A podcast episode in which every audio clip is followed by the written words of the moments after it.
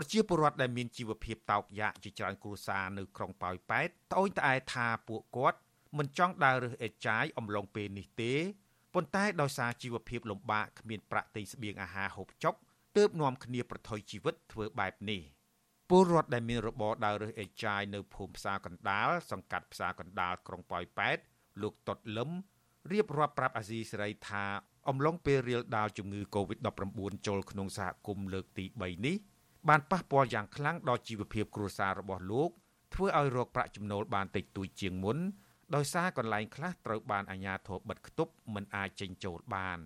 ពលរដ្ឋមានវ័យ53ឆ្នាំរូបនេះបន្តថា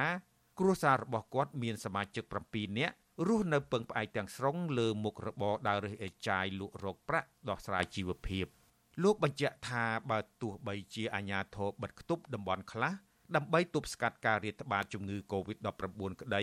ក៏លោកនៅតែបន្តដើររើសអេចាយដដែលព្រោះជីវភាពក្រីក្រ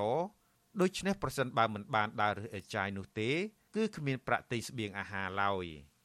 និយាយវាក្រវិញវាវាកម្រិតចង់ដល់សូន្យហើយគឺទៅបើខានរត់តែមួយថ្ងៃយើងអត់មានអីហូបយើងអត់មានអីហូបសួរថាតើយើងរស់នៅមិនបានមនុស្សយើងសំខាន់ណាស់រឿងហូបហ្នឹងវាសំខាន់ជាងជំងឺទៀតបើនិយាយឲ្យដល់ទៅអានេះចំពោះហើយរូបខ្ញុំផ្ទាល់ទេតែអ្នកដទៃទៀតខ្ញុំអត់ដឹងទេសម្រាប់អ្នកទីមានការហូបចុកប៉ុន្តែចំពោះខ្ញុំផ្ទាល់ខ្ញុំថាហូបចុកវាសំខាន់ជាងជំងឺនៃការឆ្លងព្រោះសុវត្ថិភាពការឆ្លងវាតែងតែមានការខ្លាចទេព្រោះយើងមានការប្រុងប្រយ័ត្នសំខាន់តែពុះឃ្លានវានៅមិនសុខទេបង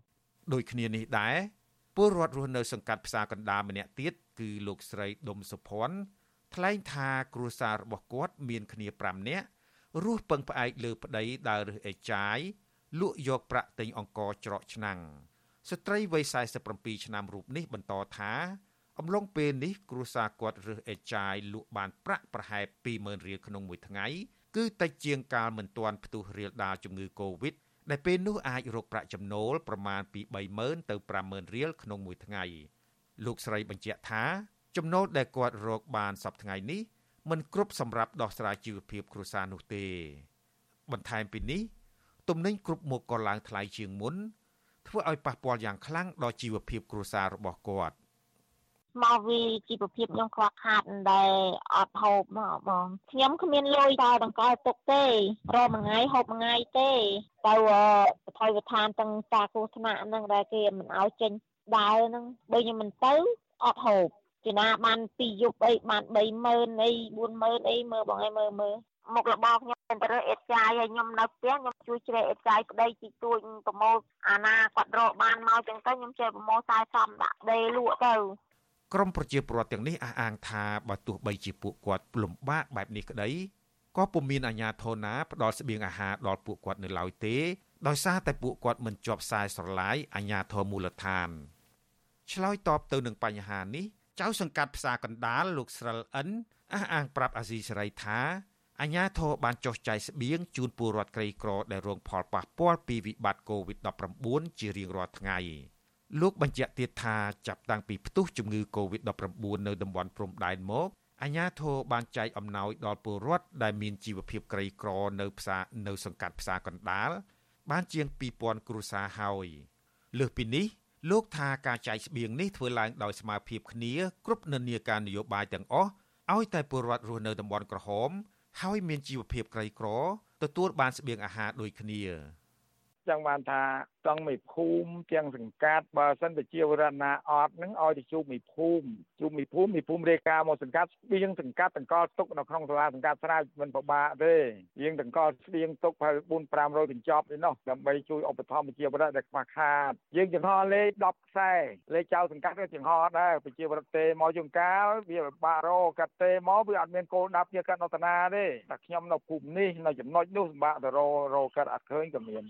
អាជ្ញាធរខេត្តបន្ទាយមានជ័យបានបិទគប់តំបន់ខ្លះនៅសង្កាត់ប៉ោយប៉ែតនិងសង្កាត់ផ្សារកណ្ដាលក្រុងប៉ោយប៉ែតចាប់តាំងពីថ្ងៃទី24មេសាជាបន្តបន្ទាប់ដើម្បីទប់ស្កាត់ការរាលដាលនៃជំងឺ Covid-19 ចៅសង្កាត់ផ្សារកណ្ដាលលោកស្រិលអិនប្រាប់ទៀតថារហូតមកដល់ពេលនេះមានតំបន់ខ្លះបន្តបិទនៅឡើយដោយសារក្រសួងសុខាភិបាលនៅតែបន្តរកឃើញអ្នកជំងឺ Covid-19 នៅតំបន់ទាំងនោះចំពោះការចែកស្បៀងអាហារដល់ពលរដ្ឋវិញ លោកថាពលរដ្ឋក្រីក្រទាំងពីរសង្កាត់នេះអាជ្ញាធរបានផ្ដល់ជំនួយសប្បុរសធម៌បានជាង3000គ្រួសារហើយលោកបន្ថែមថាអាជ្ញាធរបន្តចុះចាយអង្គរត្រីខកំប៉ុងនិងទឹកត្រីជូនដល់ពលរដ្ឋក្រីក្ររហូតដល់ស្ថានភាពបានល្អប្រសើរឡើងវិញទោះជាយ៉ាងណា ប្រជាពលរដ្ឋនៅភូមិព្រៃព្រិចសង្កាត់ប៉ោយប៉ែតលោកស្រីកងវតីអះអាងថាអំឡុងពេលផ្ទុះជំងឺ Covid-19 នេះ លោកស្រីពុំឃើញមានអាជ្ញាធរផ្ដល់ស្បៀងអាហារជូនគ្រួសារគាត់នៅឡើយទេ ស្ត្រីវ័យ43ឆ្នាំរូបនេះបន្តថាលោកស្រីបង្ខំចិត្តដើររើសអេចាយទាំងកូនខ្ចីដើម្បីជួយប្តីរកចំណូលយកទៅទិញអង្ករច្រកឆ្នាំង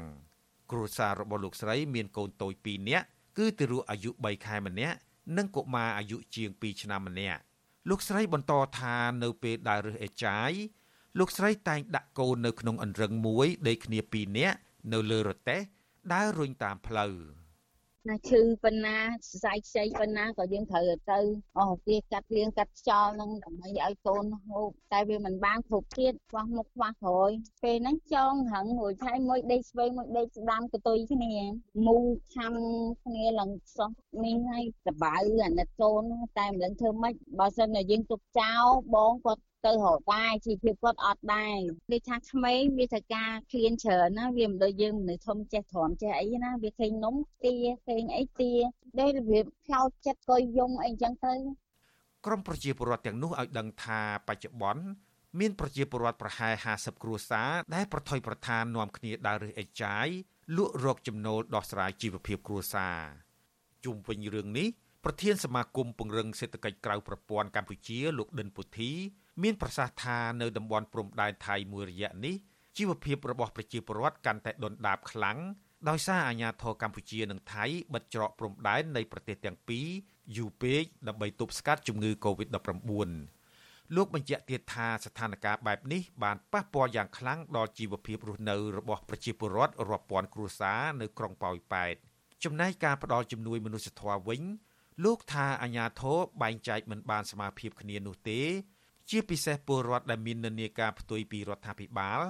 និងអ្នកដែលតែងតែតវ៉ាទាមទារឲ្យរដ្ឋាភិបាលដោះស្រាយបញ្ហាកន្លងទៅ។ អញ្ចឹងបើសិនជាគាត់ដើររើសអាចារ្យនោះសួរថាបានលុយប្រមាណហើយមកគ្រួសារសួរថាបើសិនជាអស់លោកមន្ត្រីមហាមន្ត្រីអង្គការវិញពិចារណាមើលលុយនឹងវាស្មើនឹងចុងកញ្ចក់ដៃរបស់អស់លោកអត់អត់ទេអញ្ចឹងអាស្ថានភាពនៃការលំបាកលំបិនហ្នឹងស្ទើរដាច់បាយស្ទើរស្លាប់ស្ទើររស់ហ្នឹងវាមិនមែនជាការសម្ដែងលេងសើចទេគឺកិច្ចការលំបាកលំបិនមែនទេប៉ុន្តែការទទួលខុសត្រូវរបស់រដ្ឋាភិបាលហ្នឹងมันបានគ្រប់ជុំជ្រោយយើងឃើញថាសូម្បីតែការចែកអំណោយហ្នឹងអង្គ25គីឡូទឹកស៊ីអ៊ឺ3 4ដបដបអីចែកក្នុងមួយខែដែរគាត់អ្នកដែលបានទទួលអំណោយក៏មិនអាចរស់បានដែរបើគាត់អ្នកក្រនោះលោកដិនពុទ្ធីយល់ថាដើម្បីដោះស្រាយបញ្ហានេះរដ្ឋាភិបាលគួរតែបង្កើតគណៈកម្មការឯករាជ្យមួយចុះផ្ដល់ជំនួយមនុស្សធម៌ដល់ពលរដ្ឋក្រីក្រឲ្យបានដល់ដៃគ្រប់គ្នានិងធ្វើសកម្មភាពឲ្យបានទៀងទាត់ជារៀងរាល់ថ្ងៃថ្មីថ្មីនេះអង្គការលើកលែងទោសអន្តរជាតិ Amnesty International ជំរុញឲ្យរដ្ឋាភិបាលចាត់វិធានការបន្ទាន់ដើម្បីបញ្ជៀសវិបត្តិមនុស្សធម៌ ដោយសារពលរដ្ឋក្នុងតំបន់បិទគប់កំពុងប្រឈមនឹងការដាច់ស្បៀងអង្គការនេះក៏បានទទួលសេចក្តីរាយការណ៍នានាដែលគួរឲ្យភ្ញាក់ផ្អើលដែរថាអាញាធររដ្ឋាភិបាលបានរៀបរៀងមិនអោយអង្គការសង្គមស៊ីវិលផ្នែកមនុស្សធម៌ចុះចែកស្បៀងអាហារនិងផ្ដល់ជំនួយចាំបាច់ផ្សេងផ្សេងទៀតដល់ពលរដ្ឋនៅក្នុងតំបន់ក្រហមបើទោះបីជាពលរដ្ឋទាំងនោះត្រូវការជំនួយជាបន្ទាន់ក៏ដោយបន្ថែមលើបញ្ហាខ្វះស្បៀងអាហាររបស់ពលរដ្ឋនេះ អង្គការសិទ្ធិមនុស្សអន្តរជាតិ Human Rights Watch ព្រួយបារម្ភពីការប្រើកម្លាំងមិនចាំបាច់និងជ្រុលហួសហេតុពេករបស់អាជ្ញាធរទៅលើពលរដ្ឋនិងការបំពានចាប់ខ្លួនក្រុមអ្នករិះគន់